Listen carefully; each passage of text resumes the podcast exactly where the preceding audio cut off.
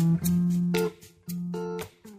Günaydınlar, herkese merhaba. Radyo Gedi'nin sabah programına hoş geldiniz. Bugün 12 Temmuz, çarşamba günün öne çıkan haber başlıklarına her zaman olduğu gibi birlikte bakacağız. NATO zirvesi başladı. Cumhurbaşkanı Erdoğan, Amerikan Başkanı Joe Biden'la bir araya geldi. Bir saat 15 dakika süren görüşmede Türkiye ve Amerika arasındaki siyasi, ekonomik ve ticari ilişkiler, güvenlik alanındaki işbirliği imkanları ve bölgesel konular ele alındı.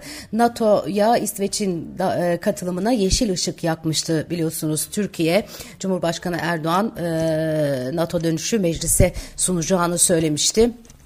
AB önümüzü açsın diye de önde bir bir takım konuşmaları var idi. E, Türkiye'nin bu hamlesi tabii ki Avrupa'dan e, daha doğrusu Batı'nın genelinden çok e, büyük e, alkış aldı. E, pek çok e, Avrupa ülkesi e, takdir etti Türkiye'yi bu minvalde. Fakat Rusya tarafından gelen açıklamalar dikkat çekici tabii. Evet. Rusya Güvenlik Konseyi Başkan Yardımcısı Dimitri Medvedev e, NATO zirvesinde Ukrayna'ya silahlı yardımlarını arttırma kararına tepki gösterdi. Medvedev bu bir çıkmaz sokak 3. Dünya Savaşı yaşanıyor e, yaklaşıyor diye e, konuştu. NATO zirvesinde gündem Ukrayna'ydı. NATO e, Ukrayna'nın geleceği NATO'dur açıklamaları yapıldı ve NATO'ya daha çok NATO'dan Ukrayna'ya daha çok yardım sözleri verildi. NATO'nun Vilnius zirvesi bildirisinde terörizmin tüm şekil ve tezahürleriyle mücadele edilmesinin ortak savunma için elzem olduğu vurgulanırken bildiride İsveç'i ittifakın tam üyesi olarak karşılamayı dört gözle bekliyoruz. Bu kapsamda NATO Genel Sekreteri Türkiye Cumhurbaşkanı ve İsveç Başbakanı arasında varılan anlaşmayı memnuniyetle karşılıyoruz ifadelerine yer verildi. Venüs e, zirvesi bildirisinde Ukrayna'ya 2008 Bükreş zirvesinde verilen NATO üyeliği taahhüdünün yenilendiğini de aktarıl yenilendiği de aktarıldı. Ukrayna'nın kendi güvenlik düzenlemelerini seçme hakkını tamamen destekliyoruz. Ukrayna'nın geleceği NATO'dadır ifadelerine yer verildi. NATO ile Rusya ilişkilerine yönelik değerlendirmelerin de yer aldığı bildiride riski minimize etmek, gerginliği azaltmak ve şeffaflığı artırmak için Moskova ile iletişim kanallarının açık tutulacağı bildirildi. Rusya ile Çin arasındaki stratejik ortaklığın derinleşmesine dikkat çekilen bildiride Çin'e Birleşmiş Milletler Güvenlik Konseyi'nin daimi üyesi olarak Rusya'nın savaşını kınama çağrısı yapıldı. Çin'in Rusya'ya silah desteği vermemesi istendi. E, Kremlin sözcüsü Dimitri Peskov da İsveç'in NATO'ya katılma konusunun Rusya'nın güvenliği açısından olumsuz sonuçlar doğuracağını belirtmiş. Rusya'nın Türkiye ile ilişkilerini geliştirmek istediğini vurgulayan Peskov, Türkiye'nin tarihinde batıya yoğun bir şekilde yöneldiği veya daha az yöneldiği dönemler olduğunu biliyoruz. Ancak şunu da çok iyi biliyoruz ki kimse yani Avrupalıları kastediyorum Türkiye'yi Avrupa'da görmek istemiyor. E, Peskov e, Türkiye NATO üyesidir. Türkiye'nin yükümlülükleri var ve Türkiye bu yükümlülüklerine bağlıdır. Bu bizim için hiçbir zaman sır değildi. Bu bağlamda hiçbir zaman pembe gözlük takmadık diye de eklemiş. Evet NATO zirvesi devam ederken e, özellikle İsveç'in NATO'ya katılımı, Ukrayna'ya silah yardımı, Çin'in Rusya'ya yardım etmemesi gerektiği yönünde e, açıklamalar e, manşetlere damgasını vuruyor. Cumhurbaşkanı Yardımcısı Cevdet Yılmaz Meclis Plan ve Bütçe Komisyonu'nda yaptığı sunumda orta vadede enflasyonu tek haneye düşürmek önümüzdeki dönem en önemli makro hedef olacak dedi. Ek bütçe ile, ile vergi gelirlerinde 1.07 trilyon lira, vergi dışı gelir gelirlerde 48.4 milyar lira olmak üzere genel bütçe gelirlerinde net 1.12 trilyon lira ilave e, gelir öngörüldüğünü dile getirdi. E, ve Yılmaz Eylül'de paylaşmayı planladığımız OVP ile ekonomimizin ihtiyaç duyduğu yeni politikaları ve yapısal e, reform başlıklarını şekillendireceğiz diye konuştu.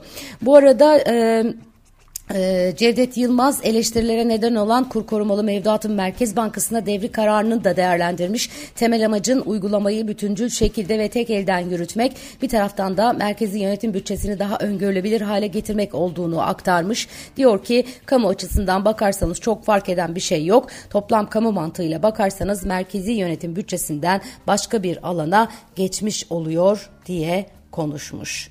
Bugün TÜİK Mayıs ayında e, Mayıs ayı sanayi üretimi verilerini açıklayacak. Sanayi üretiminin arındırılmış veriler bazında Mayıs'ta aylık yüzde 0,1 1,2 e, artması, yıllık bazda ise 0,2 daralması bekleniyor. Sanayi üretimi büyümenin öncü göstergelerinden bir tanesi biliyorsunuz.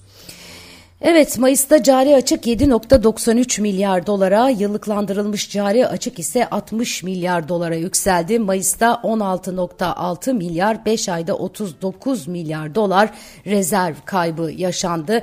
Cari finansman açığının tamamını merkez kapattı diye manşetine taşımış Ekonomim gazetesi e, bu haberi. Biraz daha detaylarına bakalım. Ee, Türkiye'de cari denge Mayıs'ta 7 milyar 933 milyon dolar açık verdi ve 7.4 milyar dolar seviyesindeki beklentilerin üzerinde gerçekleşti. Verilere göre geçen yıl Mayıs'ta 5.8 milyar dolar olan cari açık bu yıl Mayıs'ta 7.93 milyar dolara e, tırmandı. Finansman kaleminde ise doğrudan yabancı yatırımlardaki yavaşlamanın öne çıktığı görülüyor deniyor. Yabancı yatırımcıların doğrudan yatırımları sadece gayrimenkul alanında olurken bu kalemde önceki aylara göre ivme kaybetmiş görünmekte. E, Gedik Yatırım Baş Ekonomisti Serkan Gönençler rezervlerdeki düşüşün Mayıs'ta daha da hız kazandığını belirterek şöyle konuşmuş. Diyor ki Mayıs'ta 7.9 milyar dolarlık cari açığın üzerine konvansiyonel kanallardan 1.2 milyar dolarlık sermaye çıkışı ve bunun üzerine net hata 90 kalemi üzerinden 7.4 milyar dolar daha çıkış yaşanmasıyla resmi rezervlerde 16.6 milyar dolara varan bir kayıp yaşandığı görülüyor. Bu gerçekleşmenin büyük e, Merkez Bankası Bankası'na e, giren 5 milyar dolar mevduat girişi olmasına rağmen oluştuğunu da ekliyor. Ee, diğer yandan Hazine ve Maliye Bakanı Mehmet Şimşek sosyal medya hesabından paylaşımlarına devam ediyor. Merkez Bankası'nın rezervleriyle ilgili son olarak açıklamalarda bulundu. Bakan Şimşek önemli hedeflerinden birinin piyasa koşulları el verdiği ölçüde uluslararası rezerv birikimini sağlamak olduğunun altını çizerken 26 Mayıs'ta 98,5 milyar dolar olan Merkez Bankası rezervleri 30 Haziran'da 108,6 milyar dolar seviyesine çıkmıştır. Aynı dönemde net rezervler ise 14,2 milyar dolar iyileşme göstermiştir vericidir. Son dönemde rezervlerde gözlenen bu hızlı artış cesaret vericidir demiş. İyileşmenin devamı için gereken adımları atmaya devam edeceğiz diye de eklemiş.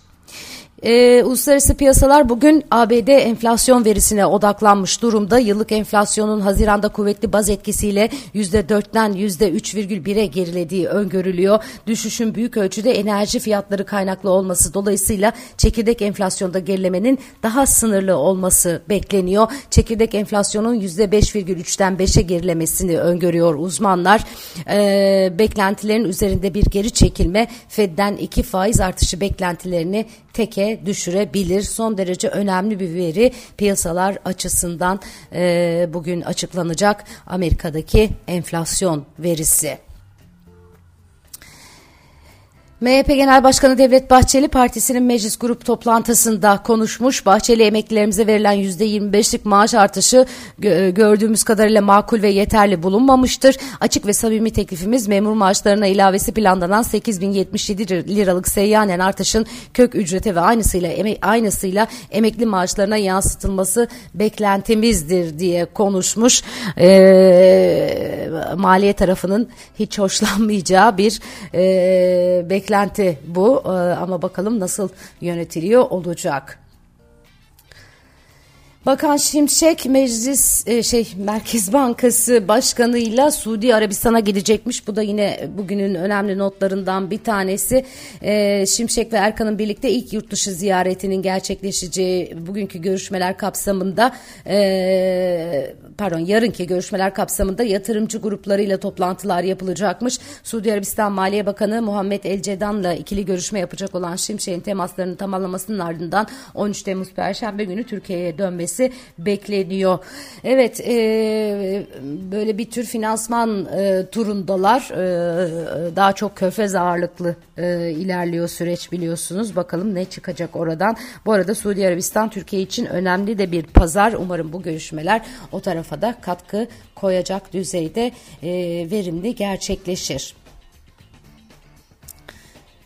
Evet, e, diğer yandan e, başka neler var? Çin e, daha fazla açılım e, çağrısı Çin'den daha fazla açılım çağrısı deniyor. Çin Devlet Başkanı Xi Jinping dün reformu derinleştirme konulu bir toplantıda ülkesinin ticaret, yatırım ve finansal inovasyon gibi alanlarda daha fazla açılması çağrısında bulunmuş. Çin'in yabancı yatırımları teşvik etme girişimleri Pekin'in sıfır Covid politikalarının sona ermesinin ardından ekonomideki toparlanmanın azalmaya başladığının netleşmesiyle son haftalarda arttı deniyor. Yetkililer bu haftanın başlarında müteahhitler için kredi desteğini uzatarak sorumlu emlak piyasasını desteklemek için bir adım atmışlar. Yabancı danışmanlık firmalarına ülke çapında casuslukla mücadele kampanyasının bir parçası olarak bu yıl getirilen kısıtlama deniz aşırı firmalardan gelen yatırım iştahını azalttı deniliyor.